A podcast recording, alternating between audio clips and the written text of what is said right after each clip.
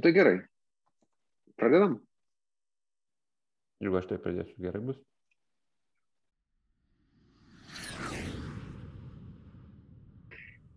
Sveiki, ponios ir ponai, su jumis ir vėl tinklavaidė prisiskraidėm ir sveiki atvykę ir persėdę į jau penktąją alfa vietą.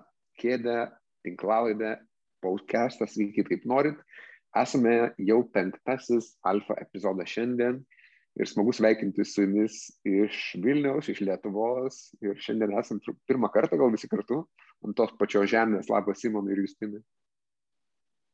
Malonu, malonu, sveiki, mėly inkilo žiūrovai, mes čia šiandien gėdingai vėluodami. Gėdingai. Bet, bet ką padarysi, tokių atsitinka gyvenime, ne, aviacija ir kelionės, čia toks neišvengiamas dalybės, dalykas. Kaip gyvenat? Jeigu, tai jeigu lėktuvų skaičiuoja, kad 15 minučių dar skaitosi on time, tai jeigu podcastas vėluoja iki 3 dienų, tai irgi skaitosi dar on time, ne? Tai kaip e-mailą atrašyti, ta seniau būdavo taisyklė, 3 dienas, jeigu jau po 3 dienų, tai jau, jau gali nebeatrašinėti, jau prarado. Nežinau, ar dar galioja. Bet čia įskaitant čia tą tokį nautis, kad tipo ačiū gavom, Ne, apskritai, aš nežinau, man atrodo, kad labai pasikeitė tas dalykas, anksčiau trys dienos buvo norma, man atrodo dabar jau e, kai kurios industrijos ir turbūt e, valanda yra, ten kokie teisininkai, tai jeigu valandą negavai, tai jau, jau tada blogas teisininkas. Nu, bet čia off topic. Tai gerai, tai niekada nedelsdami, daug, daug netuščia žodžiaudami apie gyvenimą, pakalbėkime apie galbūt naujienas, ar ne, ir kas dedasi mūsų padangė, artimoje ir tolimoje, ir kaip gyvenam pandeminiu laikotarpiu ir kas gero, kas naujo. Lietuvos, Pabaltijo padangiai, ar ne, ir, ir girdėjom čia keletą naujienų apie, apie, apie naujas bazės, naujas kryptis. Tai gal pavadėkim paplėtot mūsų, mūsų, mūsų diskursą tam tikrų, sakykim, aspektų, ar ne? Konkurencija versus plėtra, ar ne? Arba konkurencija versus pandemija. Kas vyksta šiandien? Skaityti pirmą komentarą, tai Tomai, jo, Taip, to, Tomai, Tomai komentarą tokį, manau, svarbu.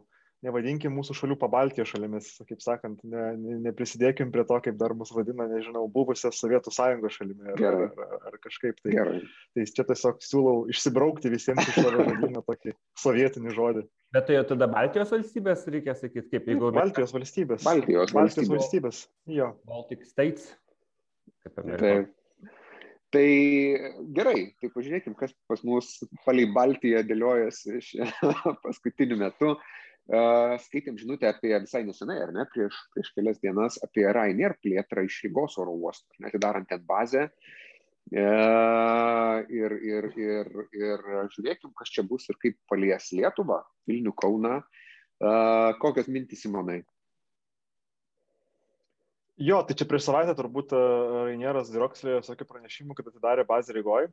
Latvijai turbūt e, geidė tos bazės turbūt kokius 15 metų, e, taip nuoširdžiai, paskutiniu metu, paskutiniu metu galbūt toksai didesnis palaikymas ir Baltikų ėjo visuotinis, tai gal kažkas jau tenais ir matė, kad bazės gerai, kad nėra, kad ir Baltikui mažiau konkurencijos, bet aš prisimenu ten kokiais 2009-2012 metais, tai ten buvo daug pastangų, kad, kad, kad Rygoje ta Air Baltiko bazė, atsiprašau, Rainiero bazė atsirastų bet vietoj to Rainiero bazės atsirado iš pradžių Kaune, berods 2000, dabar galvoju, 10 metais, tada atsidarė dar ir Vilniuje, berods 2016 metais. Ir tik dabar 2021 metais Rainieras paskelbė, kad šių metų pabaigoje atidarys bazę Rygoje. Atidarys tiksliau ne pats Rainieras, techniškai tai bus Lenkijos bendrovės BAZ bazė.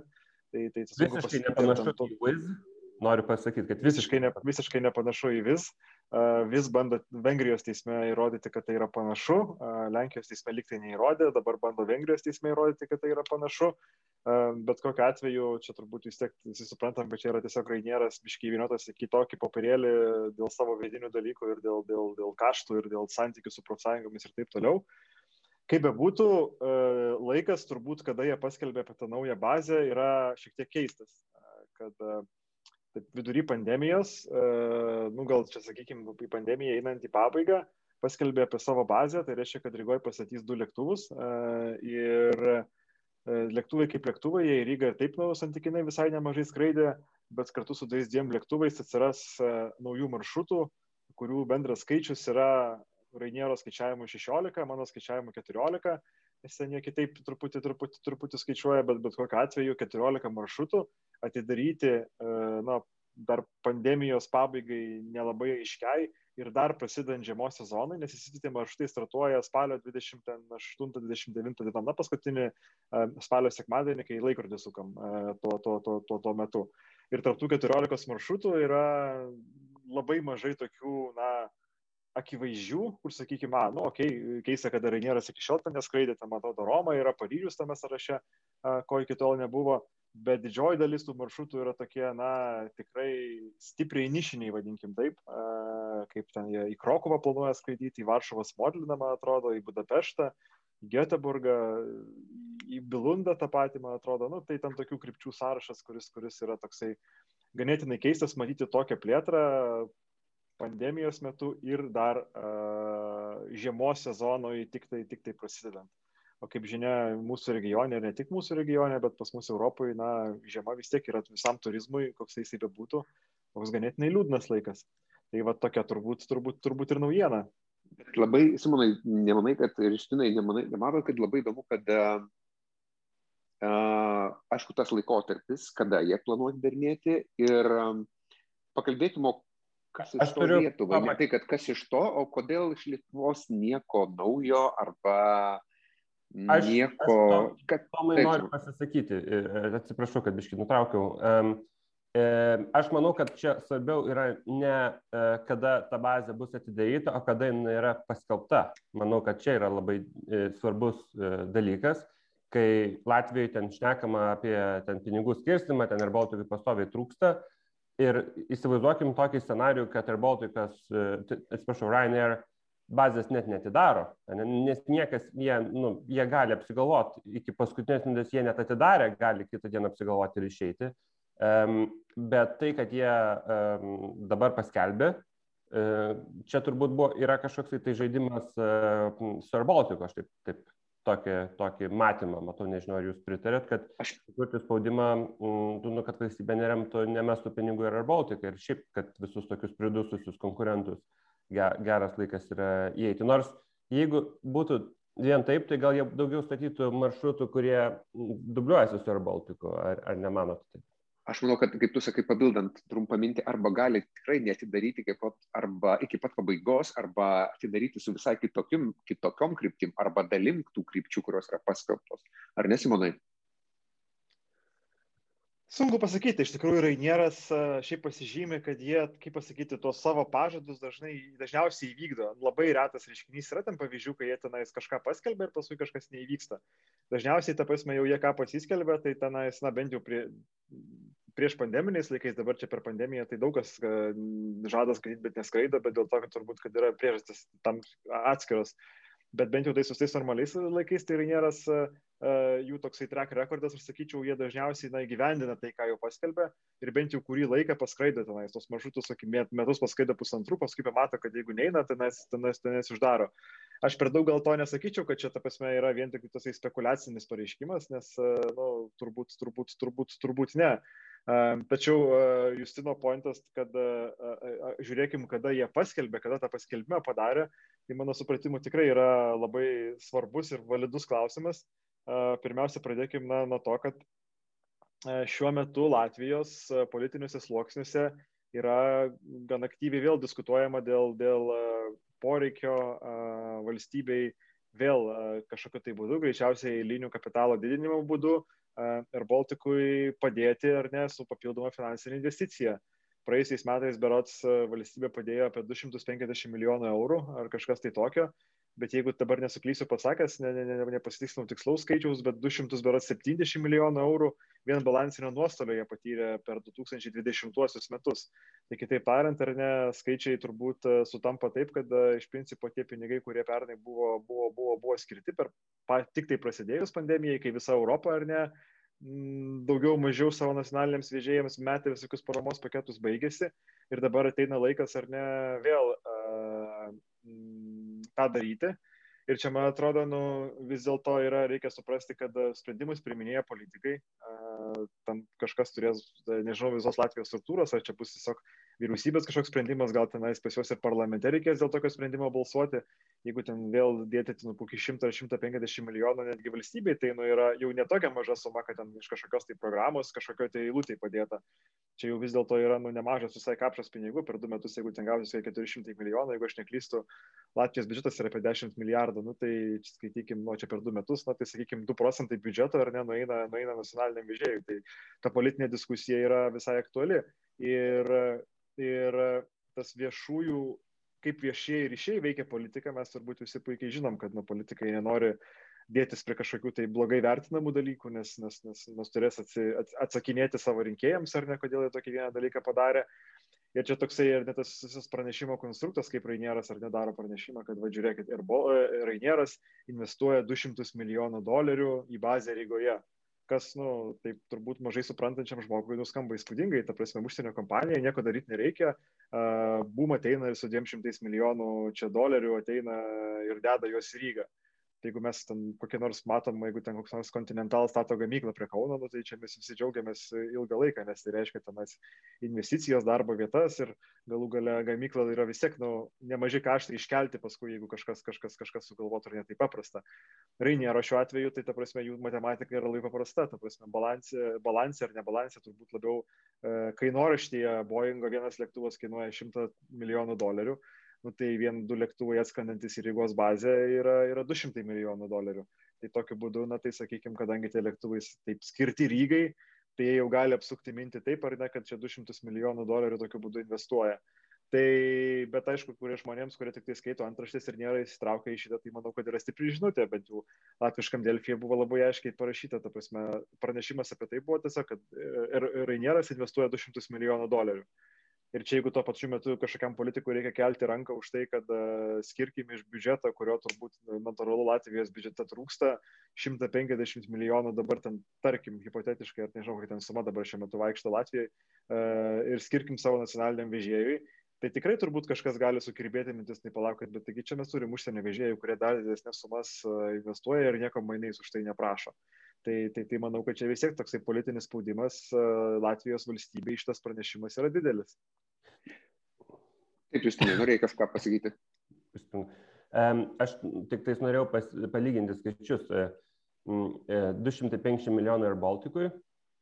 Tai yra e, labai panaši suma, 300 milijonų Ryanair išdegino per visus, nu ne per visus, per iš tikrųjų per 9 mėnesius 2020, tai nu įsivaizduokim, Air Baltico flytas kiek dabar 40 lėktuvų, kažkas tokio turbūt. O Ryanair, dabar net nebežinau, ten 600, ne? 300 kažkas, man atrodo, kažkas, kažkas, kažkas tokio. Nu, ta prasme, skirt vos ne 10 kartų didesnė aviakompanija degina tiek pat minuso, tai pat galim įsivaizduoti, ant kiek, ant kiek jie efektyvesni yra, ant kiek jie labiau orientuoti į komerciją negu ir Baltikas, nu, kaip ten, kaip žiūrėtum. Tai tęsiant šitą mintį. Tik, tik, tiksliems, atsiprašau, kad e, apie su, su, su laudai priklausančiams Airbusais, tai Rainieras dabar turi 460 kažkur lėktuvų, nu, tai artėja prie 500. Prie 500. Nu, ne apie 10 kartų didesni už AirBaltic. Iš tikrųjų tai daugiau, nes AirBaltico lėktuvai dar mažesni. Kaip galvojat, ką darys AirBalticas su šitą informaciją? Dabar paskelbta e, dėl krypčių, dėl, dėl ką darys žinia, su, kada čia bus aviacinė žiema prasidės, ar ne, kalbam apie tai, jeigu tai viskas įvyksta Rainier planuose ir įsigyvendina, ką galėtų daryti, keisti Air Baltic? Nu, čia turbūt keisti kažką jiems yra per daug sunku, nes jie nu, prisi, ne, negali iš Rygos išsikrausti kažkur kitur. Nu, čia galbūt kokį vieną lėktuvą gali į Vilnių permesti arba Taliną, bet galų galia tų, tų pajėgumų trūkumo jiem ir taip nėra, nes vien šiais metais mačiau, kad jie savo socialiniuose tinkluose e, komunikavo, kad šiais metais jie yra įsipareigoję paimti septynis naujus Airbus A220 iš e, iš, iš Airbuso, nu, iš, iš Kanados atsiskraidinti visiškai naujus iš gamyklos, tai akivaizdu, kad ta prasme jiem pajėgumų skirti trūkumo ir taip nėra. Tai klausimas, ne ką jiems, ką jiems, ką jiems, ką jiems, ką jiems toliau daryti. Tai turbūt yra čia turbūt keliais aspektais galima tą situaciją žiūrėti ir tos maršrutus, kuriuos Rainieras paskelbė. Tai ar Baltika šiaip jie pasižymė agresyvumu, kad bet, bet kurį vežėją iš Rygos bando stumti bet su Rainieru jau kažkaip jie buvo bent jau susigyvenę, kur tas, kur tas, kur tas Rainieras, kur tas Rainieras skraido, ten jau, ten jau, ten, ten jau skraido ir gyvena šalia. Bet turbūt yra viena dalis maršrutų, kurie turbūt uh, neturės ką padaryti, tik tai turbūt susitaikyti su jildo kritimu, kaip kokie nors reisais į Paryžių arba reisais į Romą, nes nu, tu, tu vis tiek turi konkurentą, kuris, kuris, kuris turbūt spaus, spaus, spaus kainą žemyn. Turbūt dar sunkesnis klausimas yra su tais visais nišiniais maršrutais, kaip skraidyti į Budapeštą, tenais į Göteborgą, kur aš pilnai tikiu, kad Air Balticas ir taip tenais yra vieni silpniausių maršrutų jo, jo, jo žemėlapyje ir turbūt išdava tik to, kad nu, va, dėka tranzito, dėka to, tokie maršrutai gali išsilaikyti o dabar teks pamatyti, ar ne, kad, kad, kad, kad na, iš vis turbūt tenais, aš spėju, kad tokiais maršrutais ten turbūt nėra, nėra keleivių, kurie nori mokėti daugiau negu 9 eurus arba 10 ir bus daug, daug e, pigių bilietų už dyką uh, dalinama, ypatingai, ypatingai, uh, ypatingai žiemą, bet, na, nu, aišku, Air Balticui tai čia tikrai, tikrai, tikrai nėra, nėra gera žinia šitoje vietoje. Bet žiūrėkit, aš tai galvoju, kad gal galėtų Air Balticas imtis tos pačios taktikos, kurią mes matėme Lietuvoje, ką Liotas padarė su Vizeiru Vilnius Varšuvo maršrute. Tai e, Liotas turėjo geresnį produktą ir jie iš, iš principo dengė vis. Vizeiras paleido kiek ten, jie tris kartus per savaitę, keturis kartus per savaitę Vilnius, Vilnius Varšuvo rytais. Ir Liotas tiesiog tom dienom kainas nuleido ir, ir, ir leido nu, pasirinkti žmonėm, ar skristi už tiek pat su su Wizz Air ar su Liot, e, kadangi Liot turi dar tranzitinio srauto, jie ten, žodžiu, tų pinigų taip ar taip kažkiek biškai pageneruoja. Tai tiesiog e, iš to paties skrydžio gavosi, kad Wizz Air degino daugiau pinigų negu Liotas, nes Lioto lėktuvai mažesni. Ir, nu... Liotas ką padarė, jo, Liotas ką padarė toje vietoje, tai prasme, kai tik vizieras pradėjo skraidyti, jiegi, nu, ten, man atrodo, nuo dviejų ar trijų skrydžių per dieną padarė penkis iš karto skrydžius per dieną, kad, nu, ta prasme, kad e, taip papultų į situaciją, kad net viziero niekas net ne, nepastebėtų, apart tie, kurie tenais jau ypatingai jautrus kainą ir paties, paties pigiausio bilieto ieško ir, ir panašiai. Tai, Vizirui galbūt keleivių ir netrūko, bet, na, ta prasme, tie keleiviai realiai buvo tas balastas, kuris tik tai skraido, skraido tenais, tik tai nemokamai gautais bilietais, tenais, ar už 10, ar už 20, ar už 20 eurų. Bet čia, nu, mintis tokia būtų tokia, kad tą gali turbūt ir Baltikas padaryti ir tą turbūt gali daryti, bet aš sakyčiau, kad nu, tai manoma tik tokiuose maršrutuose, kur ir taip yra nemažai keleivių, ta prasme, kuriuos, kuriuos va, tokiu būdu gali taip nugriepti geresnį produktą, pasiūlyti didesnį frekvenciją, bet va, ką daryti su Budapeštu arba ten va, ką daryti su Göteborgu, tai turbūt gerokai sunkesnis uždavinys yra, nes įsivaizduokim, kad ten dabar ir Baltikas, man atrodo, skraido tenais 4-5 kartus per savaitę vasarą ir gal 2-3 kartus per savaitę žiemą, tai nu, negali padaryti Riga Budapeštas du kartus per dieną ir tikėtis, kad tokiu būdu, nu, tokiu būdu turbūt tik tai dar daugiau pinigų sudeginsi negu, negu negu, Reinieras, skaitydamas porą kartų. Nu, bet senas, senas geras triukas statyti tais pačiais laikais ir, ir, ir abiems susitaikyti, kad degini pinigų ir tikėtis ir padaryti viską, kad degintų mažiau pinigų. Nes uh, aš nežinau, ar Ryanair šito vietoje turi kažkokios motivacijos sudeginti labai daug pinigų, kad kažkam kažką čia įrodyti, nes nu, Air Baltico jie nu, nepadarys to, ką Air Balticas pavalui padarė, turbūt. O kur tas žaidimas veda, tai nu, kaip čia kieno nervai trumpų laikotarpių e, tvirtesni.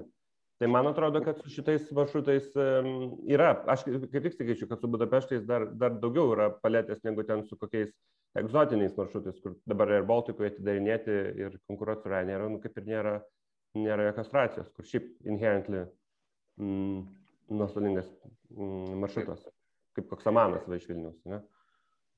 E, dar šitam kontekste pakalbėkim, vat, e, kalbant, kalbėdami apie Ryanair bazę Rygoje, pakalbėkim, ką daryti su šitą informaciją Lietuvos oro uostams. Kaip reaguoti, ar ne? Niekas kaip naujo nevyksta, vat, ar ne, šitam Ryanair bazės Rygoje kontekste. Vat, ar gal kažko tikėjosi Lietuva, bet negavo. Kaip atrodys žemėlapis iš Vilniaus ir Kauno, sakykime, ar niekaip naujai. Kaip manai, Simonai, Lietuvos čia vat, dalelę nu, saldainį. Čia, čia, čia turbūt, turbūt tas dalykas yra tas, kad iš Lietuvos Rainieras gerokai daugiau skraido negu iš Rygos bet kokiu atveju. Man atrodo, jeigu aš neklystu, netgi su tais visais naujais paskirtais maršrutais pasieks jie 30 maršrutų Rygoje. Jeigu aš neklystu, jie 30 turi vien iš Vilniaus ir dar ten 20 ar 25 uh, iš Kauno. Tai čia šitoje vietoje, ta prasme, nu, ne, nereikia vertinti tos situacijos, kad čia kažkoks ir nėra fokusas pasikeitė, tiesiog turbūt uh, jie turbūt paskutinius dešimt metų labai mažai plėtėsi Rygoje ir dabar padarė, paskelbė apie tokį didesnį šuoliuką, vadinkim taip, kas turbūt jeigu ne pandemija, tai kas čia gal, gal primtume kaip ir visai natūralią ir visai, visai, visai, visai normalią naujieną. Bet čia perinant prie kito, tai nu, matosi, kad Rainieras e, visai nemažai naujų maršrutų paskelbė ir iš Lietuvos šiai vasarai. Jeigu aš neklystu, dabar e, turbūt galvoju, kad turbūt apie keturis naujus maršrutus jie paskelbė, kas, nu, visai yra normalus skaičius, net atsižvelgus, kad nebūtų pandemijos, o, o, o pandeminiam kontekste atrodo, kad tų maršrutų yra, yra, yra ypatingai, ypatingai, ypatingai daug. Jeigu aš neklystu, čia per paskutinius tris mėnesius Rainieras paskelbė uh, iš Vilniaus berots skrydžius į Bilundą, kurie ketina konkuruoti su Vizeiru, uh, paskelbė iš Kauno į Lvovą, uh, į Lvivą reikėtų sakyti teisingai, uh, tada iš Kauno į Liverpoolį, prieš tai paleido iš Vilnius į Liverpoolį, dabar ir iš Vilnius ir iš Kauno paleido tą patį Liverpoolį. Ir šią savaitę, man atrodo, dar iš Kauno paleido į Stoholmą planus nuo, nuo, nuo žiemos skraidyti. Tai tas toksai, nu, tokia bendra turbūt maršrutų plokštė pandeminiams laikams tai yra ir taip didelė, kad, kad Rainieras tikrai labai stipriai, stipriai plečiasi tuo pačiu metu ir Lietuvoje na, naujos bazės padaryti nebegali, nebent nu, kur nors palangoji, bet nu, kas turbūt ne, ne, nėra, ko mes visi turbūt tikimės ir, ir, ir, ir, ir, ir laukiam šitoje vietoje. Tai tų nemažai naujų maršrutų iš Rainiero pasirodė ir pandeminiais metais čia ir Lietuvoje. Ar mes turim kažkokią statistiką, e, kiek nuo, nuo nežinau, 2019 lygio skraido? Aš kažkaip turiu įtarimą, ne, neturiu skaičių, kad Ryanair yra viena mažiausiai skraidančių kompanijų dabar iš visų. Uh, jeigu dar atmesim jų vidinius skrydžius ten po Norvegijos, Italijos ir ten, God knows where, tai nu, aš gal ką noriu pasakyti, kad čia daug jie prisiplanuoja, bet realybėje Ryanair yra kaip tik viena mažiausiai skraidančių dabar. Taip, visiškai teisingai. Ryanair yra dabar Europoje viena iš mažiausiai, turiu omeny, kad, nu, ne absoliučių skaičiumi, ta prasme, jie kadangi dideli. Tai didžiausias nuokrypis, lyginant nuo, nuo piko. Jo, jo, didžiausias nuokrypis ir šiandien mes turim, dabar galvoju, kokią gegužės ar ne septintą dieną. Tai gegužės, nu, paskutinė septynių dienų vidurkis yra, kad jie skraido tik tai 13,5 procento to, kas skraidydavo 2019 metais. Tai, nu, iš tikrųjų yra ganėtinai mažas skaičius jeigu palyginsim su kokiais nors, nu dabar Europoje turbūt, man atrodo, labiausiai atsistačiusi bendrovė yra Turkish Airlines. Tai Turkish Airlines skraido uh, 40 procentų to lygio, nors dabar lygiai pas juos labai... Ir Air Baltica. Pas, pas, jos, pas, jos, pas jos labai krenta, dabar kažkaip pradėjo nukencelinti stipriai skrydžius su Turkija, turbūt su savo, su savo, su, su, su uždraudimu skrydžiui į Rusiją, bei tai Rusijos uždraudimu skrydžiui iš Turkijos ir uh, kartu turbūt su papildomais restrikšiniais, kuriuos Turkija įsivedė daug. Ir Baltiko e, Eurokontrolė neskelbė, e, bet galvoju, kokią nors ten kitą paėmus dar, dar, dar, dar kompaniją, tą patį, tą patį Vizeirą, pavyzdžiui, Vizeiras skraido 32 procentus uh, buvusių metų lygio, tai beveik trečdalį, arba dvigubai lenkia, lenkia, lenkia Rainierą. Tokia ar ne didesnė, didesnė flagmanė kaip Lufthansa skraido 25 procentus. Vis tiek tai, nu, daug, kas, daug kas skraido mažai, bet e, Rainieras šiuo metu skraido ypatingai mažai. Ir nors tie pareiškimai, kad čia ateitis tokia šviesi ir optimistinė ir čia jau greitai viskas bus, kol kas, kol kas, kol kas nesipildo. Jiems, e, jiems turbūt tas jų modelis ar netokie ypatingai dideli lėktuvai, nu, vat, būtent ir neleidžia atidarinėti krypčių, nes tiesiog nėra tiek daug krypčių, kuriuose užsipildytų jų beveik 200 vietų lėktuvai. Bet čia turbūt, vat, ir žinant tą informaciją, kad jie mažai skraido, tai turbūt kokios išvados. Viena, kad jie neskraidys, jeigu neapsimokės, o antra išvada, kad nu, tai, ką jie čia skelbia, e, nu, taip irgi reikia atsargiai vertinti vien dėl to, kad, vien dėl to, kad pirma, pirm, pirm, pirmas pastebėjimas, jeigu nebus pelninga, neskraidys ir be jokių skrupulų ten pakeis maršrutus, neskris ir nu, jie kažkaip labai taip sugebėjo susimažinti savo sėkmingai ir dabar iš esmės pelningai dirbti su, su savo tais mažais mažais. Jo, tai čia, čia turbūt, e, mes jau turbūt praeitam podcast'e prieėm prie tokios išvados, ar ne, kad uh, beveik visų aviakompanijų uždavinys šiuo metu yra uh, kuo mažiau uh, skraidyti, kaip įmanoma uh, mažiau, kad patirti kuo mažiau nuostolių, bet skraidyti kaip įmanoma daugiau, kad nu, neprarasti keliaivių ir tie keliaiviai neišsikraustų pas kitas kompanijas tai turbūt Rainieras mato, kad nu, tų keliaivių tiesiog nėra ir jie pas kitas kompanijas neina ir, ir, ir, ir, ir jie labai konservatyviai kol kas žiūri į tas savo skrydžių programas, nu ir iš tikrųjų labai mažai, mažai kol kas skraido. Jeigu į tą pačią Lietuvą žiūrėti, ta prasme, nu, aš stebiu tvarkarašius turbūt kas porą savaičių atsinaujinu, tai, nu, tai jie iš principo mėnesių į laiko į priekį peržiūri ir vis atšaukia tos skrydžius. Nors taip, jeigu taip žiūrėti, tai realiai kas porą savaičių po vieną, po antrą maršrutą vis atsiranda. Ta prasme, dabar čia gegužės pradžioje atsirado keli Atenus paleido, galvojau, kad tikrai tenais, kad tenais, tenais nuims, dar ten kažką paleido, bet kitus atšaukė iki birželio atidėjo, dabar laukia birželio, turbūt gegužės vidury kažkada peržiūrės ir turbūt dalis tų birželio maršrutų vėl bus, vėl bus, vėl bus, vėl bus atšaukti, bet, nu, turbūt čia aš manau, kad iš vienos pusės tai turbūt yra ir šlikštus jų elgesys keliaivių atžvilgių, iš kitos pusės, nu, turbūt suprantamas, ta prasme, kad, nu, jie mato pardavimo krypties, jeigu jie ten toliau negyvas ir jeigu tu matai, kad prieš mėnesį turi pardavęs du bilietus į kažkurį reisą, nu, tai vargiai turbūt gali tikėtis, kad per, ta, per tas likusias 3 ar 4 savaitės išpirks kitus 150 bilietų. Tai va šitoje vietoje, Simonai, kaip tu minėjai, kad Rainier pažadus vykdo, tai turbūt e, bazių, dėl bazių atidarimo, ar ne, bet apie grįžimą skraidyti, tai pažiūrėsim, kas čia bus. Aš tai labai laukiu, kas bus su Barcelona, ar ne, ir Vilnium kryptim, ir, ir kol kas mes turim tą pardavimuose įdėtą kryptį. Aš mačiau liktai pakeistos yra skrydžių dienos, tie patys du kartai per savaitę su Rainier į Barceloną. Dabar berots antradienis, sekmadienis, buvo trečiadienis. Bet e, pasižiūrėjau, kaip man ir bus. Aišku, Vilnius oro uostas irgi jau paskelbė šią savaitę optimistiškai, turbūt, kad palaikyti tą pozityvą ir keliautojų srautą, ar ne, kad žiūriu, jau grįžo oro flotas į Maskvą, Rainier, Atenus, Oslą, Paryžių, kaip kalbėjom planuoja, kad grįž Barcelona, Dublinas ir Stanstedas Londone, e, kas liečia Rainier, Vizer minėtas Dortmundas ir Larnaka. Ir tada Kauno žiūriu apie Kauną, mūsų jau minėti Alicante, Rodas, Pafos, Pafosas, ar ne, ir, ir tada Vizer kryptis, Olesundas, Tavangiris, Bergenas. Tai ko, kas darytumėte?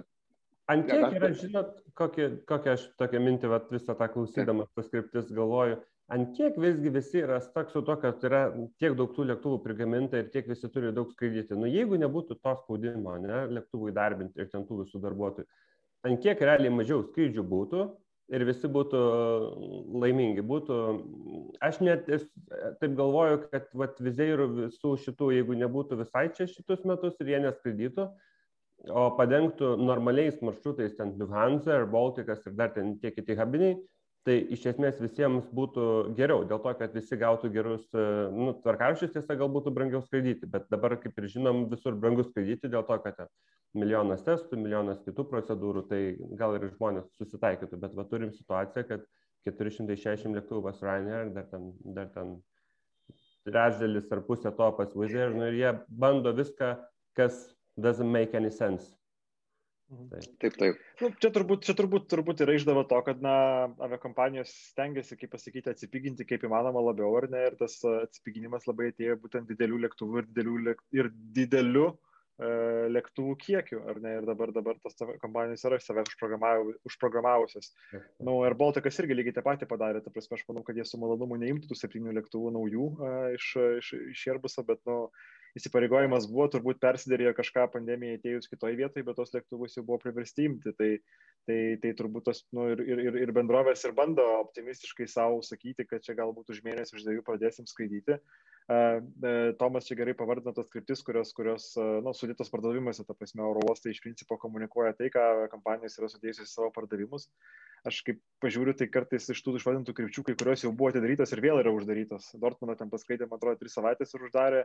Tas norvegiškas kryptis iš Kauno, Alessandas, Tavangerį, man atrodo, Bergeną irgi uh, Vizeiras atstatė per Velykas, paskaitė gal tris savaitės ir tada vėl uždarė. Dabar, nu, čia gegužės gale, ale vėl planuoja, planuoja skaityti.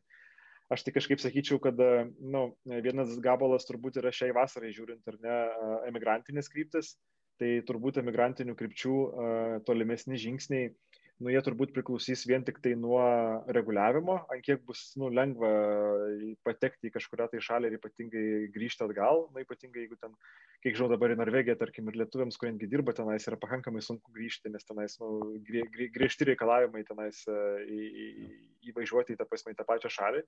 Tačiau viskas pasakyta tik tai ant, ant reguliavimo, kokios bus taisyklės. Uh, polisinės kryptis tai turbūt, turbūt šviesia, šviesiausias scenarius ar ne joms. Uh, nes e, akivaizdu, kad tos visos turistinės šalis, nu jos kažkurio metu tai vis tiek e, nusimaus kelnes ir, ir įsileis viską, nu, nes kitu atveju, ta prasme, jau joms e, bus tiesiog sunku ekonomiškai, sunku ekonomiškai išgyventi. Ir, bet aš turbūt mažiausiai turbūt dėčiau ant to, kad kažkoksai tas miestų turizmas, jisai šią vasarą kažkaip atsigautų, aš kažkaip labai sunkiai tikiu, kad tokie maršrutai kaip tenais iš Vilniaus nu, į Londoną skraido, ten liotas, nes, nes valstybė dotuoja, kažkiek laukos tai skaido, nes tų emigrantų kažkoks vienas tikrenta, bet tenais kokie reisai į Paryžių, į Barceloną ar tą pačią Romą, Tai nuvargiai, kažin, ar šiais metais pasileistų, nes man atrodo, kad nu, žmonės, kurie kažkokių tai atostogų ieško, vis tiek dar liks tas motyvas, kad uh, nu, norisi būti daugiau turbūt atvirose erdvėse, kuriuose yra mažiau žmonių ir, ir, ir, ir ieškoti kažkokių tai kurortų.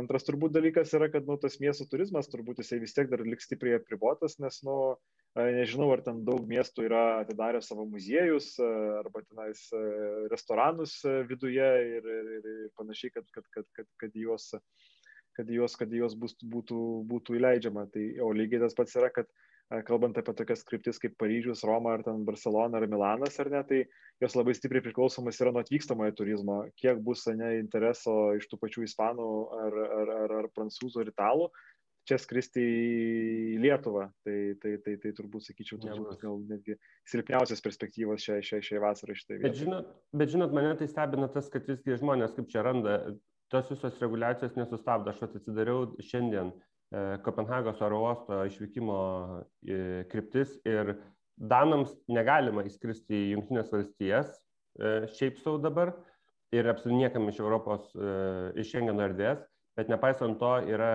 šiandien skrydžiai Washington, New York, e, Chicago ir man atrodo dar JFK. Tai e, tuose lėktuvuose sėdi arba su dviguba pilietybė, arba amer, amerikonai. Tai kiek žmonių realiai vis tiek kiekvieną dieną praskrenda, kurie e, pro tą rakto skilutę, ne? Tai, bet, nu, matyt, kažkiek tos tų skrydžių neišvengiamai vis tiek išliks, nepaisant, kad ir kokius čia tos barjerus statytų. Jo, čia turbūt irgi tas man visai įdomus pavyzdys yra, kad tas irgi tenais buvo garsiai nuskambėjo, kad Aeroflotas grįžo į Lietuvą, grįžo į Vilnių. Jie ten skraido kartą per savaitę ir planuoja skraidyti toliau kartą per savaitę. Toks tai labai įdomus produktas, kuris iš principo kaip čarteris tenais veikia, nes ten mano žiniom, kad nu, niekam vizų iš Lietuvos dabar negali gauti, negali gauti į Rusiją, tai ten nebent turi nu, ilgalaikį leidimą nuo senai kažkada, tai tenais ir kažkaip gali atvykti ir išvykti ir panašiai. Tai, nu, tie, ta prasme, matoma ar ne, kad kažkoks tarsi atsigavimas ir vyksta, ir čia tų skrydžių daugėja vienur ar kitur, bet realiai, nu, tie srautai tokie yra išsibalansavę, kad kažkur suprognozuoti, kaip bus elgesys kažkuriam tai maršrute keleivių nu, yra, yra tikrai labai, labai turbūt sudėtinga ir niekas negali tiksliai to, to, to padaryti. Taip, na, pažiūrėsim. Aš tai jau sergu už Barceloną. Dabar savaitė, aišku, yra ta savaitė, kuri turėjo pasileisti, jos jau nėra, jinai nukelta savaitė, bet pažiūrėsim, ar tas, tas, tas liūdnas scenarijus dėl, dėl, dėl, dėl to, kad keleiviai, kaip elgiamasi su keleiviais, pardavimais ir kas vyksta, tai tas, aišku, dėl to yra pikta. Uh, pažiūrėsim, gal mūsų kitoj tinklalaidėje. Į, į Barceloną, jeigu, jeigu aš neklystu, į Barceloną, tai Rainieras yra jau atšaukęs skrydžius berots iki birželio mėnesio, jeigu aš neklystu. Galbūt, galbūt, galbūt, galbūt klystu. Galiu patikrinti tuo pačiu metu. O ne, vis dėlto dar gegužės, gegužės antroji pusė planuoja. Na, taip, žiūrėsim. taip, taip, taip. Žiūrėsim. Uh, kalbant apie Rainierą, ne, mes minėjome apie bazę iš Rygos, bet buvo žinutė, kad bazė iš Stokholmo, Orlandos, ar ne, taip pat bazė ne, Berods praeitos savaitės senumo žinia, ar ne? Tai... Ne, čia šių, šių, šių dienų žinia, man atrodo, tik tai vakar, dienų, aš vakar tik tai, tik tai, tik tai, paske, tik tai paskelbė. Tai čia, uh, nu, turbūt europiniam kontekste tai yra gerokai didesnė naujiena negu, negu bazė Rygoje, nu, nes iš Rygos Rainieras jau skraido 20 metų beveik uh, ir skraido nemažai, tai tas bazės atsiradimas toksai gal ir uh, tokiam ar ne žiūrinčiam į rinką iš kažkur iš vakarų, tai tenais toksai nu, natūralus visai procesas. Bet štai bazė iš Stokholmo Orlandas oro uoste tai yra toksai visai kažkas naujo, nes Rainieras iki šiol neskraidė niekada nei vieno skrydžio į Orlandą oro uostą, jie ten skraidė į Skafsto oro uostą, kuris ant 100 km ir tas 100 km yra tas blogasis šimtas, nes tenais nėra jokio transporto praktiškai tarp, tarp, tarp, tarp Skafstos oro uosto ir, ir, ir paties Stokholmo, dar ten skraidė į Vasteras, man atrodo, kuris tenais kitoj pusėje nuo Stokholmo, bet ten dar daugiau kilometrų bet jie irgi ten vadino iš dalies Stokholmu. Dabar jie ateina į pagrindinį Švedijos oro uostą, į pagrindinį Stokholmo oro uostą, iš karto atidaro bazę, dabar nepamenu tiksliai. Ką reiškia bazės atidarimas iš karto, aš noriu, nu, nu taip paprastam žmogui, ką tai, ką tai reiškia? Nu, bazės atidarimas pigių skrydžių, pigių, pigių skrydžių bendrovė žudynė, tai yra tiesiog vieta, kur jų lėktuvai nakvoja. Tai, Ar tai reiškia, kad, nakvoja, tai reiškia, kad leidžia naktį. Įgula bus? Įgula švedai bus? Tai reiškia, kad e, įgula irgi mėgos Švedijoje. Turbūt, turbūt reiškia taip reikia vertinti. Paprastai uh, pigių skrydžių bendrovės vis dėlto stengiasi, kad nu, tos įgulos būtų nu, jiems yra per brangu tas įgulas rotuoti, ta prasme, kas kažkiek tai laiko ir tenais, tai jau bazėje įsitvirtinus, tai dažniausiai nu, jie stengiasi, kad uh, atrastų žmonės, kuriems tinka ten gyventi, ta prasme, ar tai persikelia kažkas iš kitos šalies ar ten gyventi, būtent į tą miestą arba palaipsniui ir nepasamdo žmonės, būtent, būtent lokalius, kurie, kurie gyvena tenais. Tai, uh, nu, gali matyti, kad turbūt Rainiero, iš su Rainiero lėktuvai skraidant iš Lietuvos, ar net dažnai galim turbūt sutikti, sutikti lietuviškai kalbančių, kalbančių žmonių, kurie, kurie akivaizdu ar nedirba dirba, dirba čia Lietuvos, Lietuvos bazėse. Tai, nu, turbūt du dalykai. Tai vienas dalykas yra, kad lėktuvas miega tam oro uostą ir, ir kitas dalykas yra, kad, nu, įgula irgi, kaip pasakyti, miega bent jau, bent jau, bent jau, bent jau, bent jau tame oro uoste ir iš principo pradeda ir baigia darbą būtent tenais. Ir mokesčius moka turbūt švedijoje, ne? Nu, dėl tų mokesčių mokėjimo, tai turbūt, man atrodo, labai priklauso nuo šalies reguliavimo. Rainieras naudoja agentūras e, įdarbinimo arba darbina savo įmonėse Lenkijoje, Maltoje arba Airijoje Nu ir tada tenais jau vietinio reguliavimo klausimas prasideda ir ten Rainieras nemažai yra konfliktų turėjęs, ta prasme, kaip tenais tos mokesčius ir kiek ten tų mokesčių taip reikėtų, reikėtų, reikėtų, reikėtų. Lėktuvų vergai. Čia į aktualijas. Simonai, ar atsimeni kryptis paskelbtas iš Arlando oro uosto? Aš turiu prieš tai. Na, viena, viena kryptis, tai, nu, turbūt trys mums įdomiausias yra, ar ne, nes jos į Baltijos šalis, tai jos skraidys į Kauną, skraidys į Rygą ir, ir į Taliną tai jų Baltijos žemėlapis yra, kad Talinas, Ryga ir Kaunas. Justinas turbūt gali daugiau krypčių, ar ne, dar, dar pavardinti tokių, tokių didesnių. Aš gal dar, sakyk, kol, kol, kol dar iš manęs e, neperbė mikrofoną Justinas, dar paminėsiu turbūt įdomiausias kampas yra, kad jie planuoja ir vidiniais maršrutais Švedijos viduje skraidyti. Skraidys iš, iš Stokholmo į Göteborgą ir į Malmę. E, ir tenais, ta prasme, tas produktas nėra toksai mūsų suprantamas rainėrinis produktas, kur ten porą kartų per savaitę ar tris kartus per savaitę ten mačiau, kad visai neblogais laikais ryte vakare bus skrydžiai iš, iš, iš Stokholmo į Göteborgą ir, ir, ir, ir, ir į Malmę. Tai reiškia, kad nu, du didžiausi miestai, e, tai yra nu, po Stokholmo e, Švedijoje bus, bus, bus, bus, bus Rainieras skraidantis iš tų į tuos, į tuos, į tuos miestus. Justinai, kas dar per kryptis, jeigu gali paminėti ir po to galėsim galbūt. Kel, keliom grupėm aš gal taip išvardinčiau. Taip. Tai yra e, emigrantinės kryptis, tai yra, na, nu, aš taip vadinu, emigrantinės, tai yra Gdanskas, Kaunas, Krokuva, Riga, Talinas, Varšuva, Varšuvos Modlinas. Tada yra Saulės kryptis, tai yra Malaga, tai yra Salonikai, tai yra Bolonija, Banija Luka, ai, Alikantė va dar. Tada yra tų vidinių ir į Olborgą Danijoje Ir tada yra, aš nežinau, kaip čia apibūdinti tos uh, tokios intra-Europe kelios kryptis, tai Londonas, Milanas, um, kas čia dar yra iš tokių, nu, to, taip pat tokie taip. trys, trys segmentai. Nėra didžiųjų miestų, nėra Paryžių, nu, išskyrus UK, bet nėra jokių ten Paryžių, tokių, kur Berlynų, kur ten būtų toks verslo srautas, bet aš dabar verslo srautas tikrai nėra. Labai įdomu, ką su tuo darys, na, jau opera, sakykim, skandinaviški operatoriai, ne, tas pats SASas ir, ir gal mes galim paliesti tą, nežinau, kok, kokiu čia variantu norvegiško produkto, norvegiškus aš, vežėjus, kas ten vyksta. Aš dar prieš tai, Tomai, vieną tokį klausimą, kurio, kaip čia, ko aš nesuprantu iki šiol, Ryanair e, panašų dalyką ir buvo jau padarę e, su skrydžiu iš Kauno, lėktuvo Kaunas, Kopenhaga, Kaunas. Ir šalia stovėjo reisas Vilnius, Kopenhaga Vilnius, kuriame tikrai daugiau pinigų keliaiviai mokėjo pagal kainodarą labai matėsi. Um, nu, nebuvo sunku permesti, kad iš Vilniaus skraidytų į Kopenhagą ir tada nek to nek konkuruotų. Ir dabar jie lygiai tą patį daro su um, Arlanda Kauna, Kaunas. Su Riga Talinu viskas ok.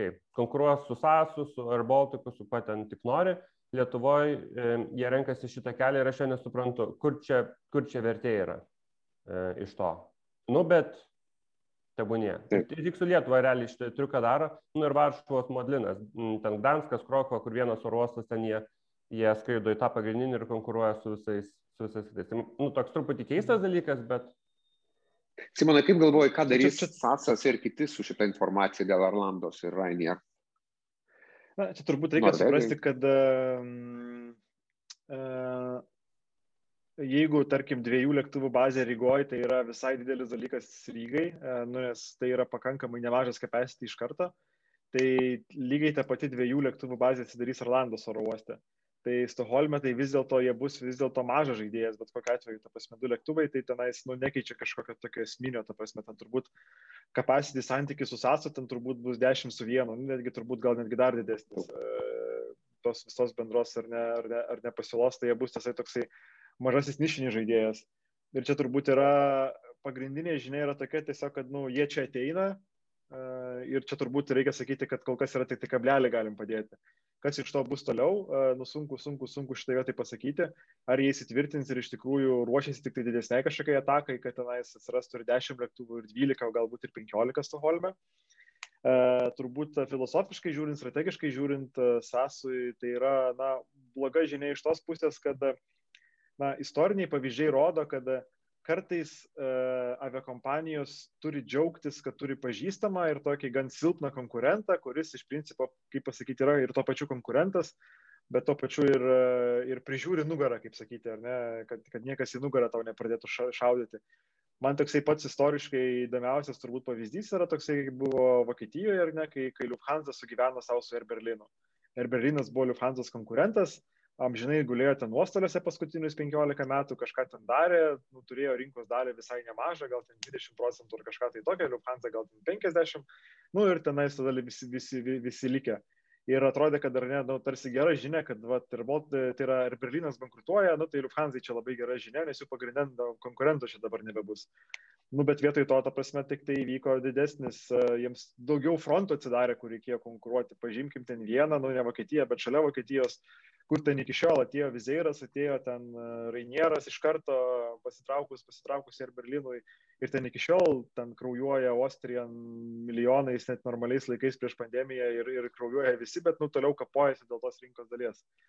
Tai čia man atrodo, kad nu, didžiausia grėsmė yra ta, kad nu, Sasas kaip ir buvo susigyvenęs su Norvydžinu, Norvydžinas toks visada buvo silpnas, visada jam ten trūko, trūko trūko kešo, tas jų produktas toksai, na, nu, sakykime, vidutinis, kažkam patinka, kažkam, kažkam, kažkam ne, ir, nu, toksai buvo pažįstamas konkurentas, su kuriam labai, labai aišku, kaip konkuruoti. O dabar, nu, ateina naujokas, kuris e, agresyvesnis, sunkiau prognozuojamas, e, sunkiau nuspėti, ką, kas jiems šausi galvą ir ką čia jie dabar gali, gali, gali padaryti. Na, paleis pat Kauną iš, iš, iš, iš, iš Stokholmo arba dar kažką padarys. Na, vat, SAS paskelbė apie naują paskirimą savo generalinio direktoriaus, ateina, ateina žmogus iš užsienio, nes skandinavas su, su, su, su patirtim iš, iš kitų be kompanijų, nu, tai turbūt irgi bus, bus, bus, bus tam tikras galvos ar neskausmas, ką daryti, ką daryti su tokio pabudžio konkurencija, kuris Stoholme jiems buvo nematyta, nes jeigu aš neklystu, ne tik tai, kad Rainieras niekada neskraidė į Stoholmą, bet ir EasyJet niekada neskraidė į Stoholmą, kas, kas, kas toksai ganėtinai keistas uh, dalykas žiūrint į visą, į visą uh, Europos žemėlapį. Aš tai galvoju kitą dar kampą šito vietoj, e, kad e, čia gal pasirodys visgi labai svarbu, kaip sąsas sužais per tą socialinę prizmę. Mm, kai Ryanair atėjo į Daniją, tai Danijoje e, kilo didžiulė heito banga ir man atrodo, tai visgi yra viena pagrindinių priežasčių, kodėl Ryanair netapo dideli Danijoje tai ten visokie valstybinės institucijos ten viešai paskelbė, kad mes neskraidysim su Ryanair, nes jie čia mm, socialinio kontrakto nesilaiko ir, ir šiaip tokia visuomenė buvo labai panaši banga buvo Norvegijoje ir yra su Wizz Air, kur ten, kur ten kalasi. Aš nepamenu, kad Švedijoje tokia pat banga būtų, tai va dabar man atrodo bus puikia proga išbandyti, ar šitas socialinis spaudimas gali suveikti ir tokios uh, vat, landas ir visokias e, mokestinės e, situacijas išnaudojančios ir tokios žemesnį standartą laikančios turbūt produkto ir tokio korporatyviniai atsakomybei kompanijos kaip Ryanair, kad joms nėra vietos. Tai pat pažiūrėsim, man atrodo, bet turbūt sąsas čia labai dabar svarbioji rolė yra, kaip ne, ne kad sukonkuruot statant lėktuvus bet kaip su tą visą socialinį už, už, kaip čia pavadinti, neapykantą sukelt. Taip. Su... Uh, taip, um, kas vyksta Norvegijoje su, sakykime, čia net nežinau, buvusi ta Norwegian hybrid, aš nežinau, kaip čia įvardinti, ar turim kažkokių tai progreso. Vaikštantis lavonas.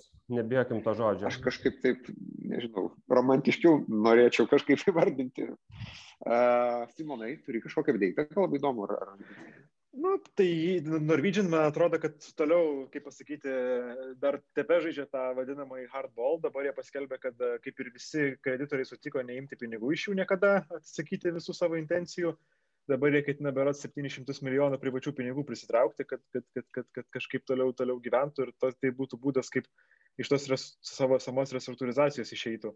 Uh, nu tai turbūt va, taip, taip, taip, taip ir gyvena, turbūt reikia laukti žinių, ta prasme, kiek dar tenais e, ta kreditorių kantrybė ir teismų kantrybė dar, dar, dar, dar, dar, dar temps jos tos savo uždavinius spręsti, bet uh, turbūt uh, visai, visai gera žinia jiems yra ta, kad na, atrodo, kad investicijų į aviakompanijas, tai yra pinigų investicijoms netrūksta, yra pilna pinigų, kurios, kurios žmonės nori investuoti. Uh, ar ne žmonės, tai žmonės plačiaja prasme čia vartoja, turbūt ten visokie instituciniai pinigai, fondų pinigai ir, ir kas taip būtų. Na, jeigu ten kiti du startupai Norvegijoje nesunkiai netgi viešojam, viešojam, viešojam, viešosiam priemonėm ar nepritraukia pinigų ir iš to vadinamojo public kapitalo, tai jeigu ten iš tikrųjų tas balansas būtų išvalytas, visų tų darbuotojų turbūt seniai atsikratyta, lėktuvų seniai atsikratyta ir ta kompanija kaip ir nuo balto lapo vėl startuojanti, tai aš taip visai gal ir galvočiau, kad jie, kad jie galbūt visai turi šansą ir, ir, ir, ir naujų pinigų prisitraukti į tą savo veiklą. Bet čia turbūt, nu, pažiūrėsim ir man atrodo, kad turbūt po kokio mėnesio, po to mėnesio bus, bus, bus, bus galima šios klausimus atsakyti. Kas turbūt jiems netiesiogiai dabar padeda, kad nu, Norvegija yra stipriai labai užsidariusi nuo tarptautinio skraidimo tenais dėl, dėl, dėl tų visų uh, nu, COVID, COVID ribojimų, viena uždariausių šalių dabar patapo, patapo Europoje kažkaip, kažkaip netikėtai tas posūkis, kas iš principo turbūt tik tai padeda laimėti jiems laiko, ar ne, ir, ir, ir, ir tie kiti konkurentai, kurie ten kūrėsi, tas FLIR, man atrodo, ar kaip ten jisai vadinasi, ir tas buvęs jų įkūrėjo Kioso projektas apie naują Langholinę kompaniją, nu, tai kol kas, kol kas jiems nieko nedaro. Klausykit, aš tokį klausimą turiu. Mes čia vis on, taip, on hold, on hold yra. Kokia aviakompanija jūsų statymu bus uh, pirma, kuri uh, pasimirs uh, dabar? Nu, bet, bet turbūt be to Norwegian to darinio, ne, nes ten jau ilgą laiką ir jau ten nesuprasti, kada jau numirė, kada ten toks pas juos mirties. Čia turbūt, turbūt, turbūt reikia dar irgi pradėti nuo to susitarkim dėl savo, kaip sako, susitarkim dėl terminų, ar ne? Taip. Tai irgi, nu, turbūt ar laikysim, kad Norve, Norwegian yra visiškai mirusi kompanija ar nemirusi. Na, nu, aš tai laikau ją mirusi, nes ten, ja, prasme, ja, ja, tai jeigu jinai to... dabar atgims iš naujo, tai čia bus visai realiai kita kompanija, nu, ant to paties juridinio vieneto pasakytas nauja strategija, ten turbūt su naujais, su, su, su, su, su nauju viskuom. Ja, bet, bet Norwegian, nes jie tokie, mhm. e, nu, ar yra, aš galvoju, kurių, nes, nu, čia pusantrų metų nieks, nieks neužsilenkia, nors, nors daug kam jau seniai metas buvo, ir, bet nu, kas realiai, kam čia realiai eilė uh, yra. Ir kažkaip pat aš. Jo, aš turbūt galvoju, kad turbūt niekas neužsilenkė per tos pusantrų metų, nes ta pandemija turbūt uh, niekam, niekas neturėjo drąsos, kaip pasakyti, ištraukti kištuką iš rozetės. Nu, kartais ko, ko, ko, ko ta pasė prireikia. Kartais nu, yra prietaisas, kuris jau seniai neveikia, bet tu vis tiek laikai įjungtą į rozetę ir galvoji, nu galbūt čia kažkaip jisai vieną dieną ims ir pradės veikti. Tai tų tokių neištrauktų kištukų iš rozečių, tai, tai, tai, tai, tai, tai man atrodo yra, yra, yra, yra ne vienas. Pagalvoju apie, tai turbūt... pagalvoju apie vieną Lietuvos e, ministrą pirmininką šito vietoje. Tai. Suprantu, kad žinai, tau reikia kraujo, bet gal ne, šimta, ne šitam epizodė. Ne, ne, ne, ne, aš jokių būdų, aš, aš tikrai nuoširdžiai galvoju, kad laikas yra nu, sunku ir kaip viena vertus gerai, kad tų kompanijų yra daug, bet kita vertus nusunkus laikai ir, ir, ir vis tiek kažkas, kažkas uh, užsilenks, tai va tiesiog galvoju, nu, ar Baltiko, pavyzdžiui, užsilenkimo aš niekaip netikiu, ne? Tos trys didžiosios laukosnės kompanijos, jos neturi jokio pagrindo užsilenkti, jos tikrai išgyvens. Uh, uh, Sasas vos ne yra toksai e, next in a row, e, bet irgi netikiu dėl to, kad per daug e, švedam ir danam tai yra svarbu. Nu ir va, ir lik, liktis visi išgy, iš, išgyvena panašu, kad. Tai turbūt, turbūt, nu, mes ar ne, galim turbūt įsijausti į Latvijos politikų mąstymą, ar ne, kad, nu, turbūt tas, nu, turi ar Baltika, kai kurie jau prikišęs tiek daug pinigų ir to sako, reikia kišti dar. Tai toksai, nu, jeigu tu dabar nebedėtum pinigų, tai tada pasirodytum, tai kodėl dėjai pernai. Tai kas, kas, kas čia pasikeitė. Ir tu negali to, kad tai, tai turbūt aš spėjau, kad nu, yra nemažai tokių kompanijų, kurios yra labai panašiai padėti. Jeigu ten žiūrėsi, kokia nors Czech Airlines, kuri ten dar kelis lėktuvėlius dar turi pasilikusi, irgi ten restruktūrizacija bando išgyventi. Turkijoje tų pačių yra kompanijų, tų privačių, ten, man atrodo, vat, Onur ir tarsi ir vyrės yra jau kaip ir visiškas lavonas, bet jisai, nu, dar vis dar įkištas į rozetę. Kaip teoriškai atsidarai saitai, bet tenais logotipas yra, lėktuvai neskraido, bet, bet, bet, bet, bet jie yra tenais.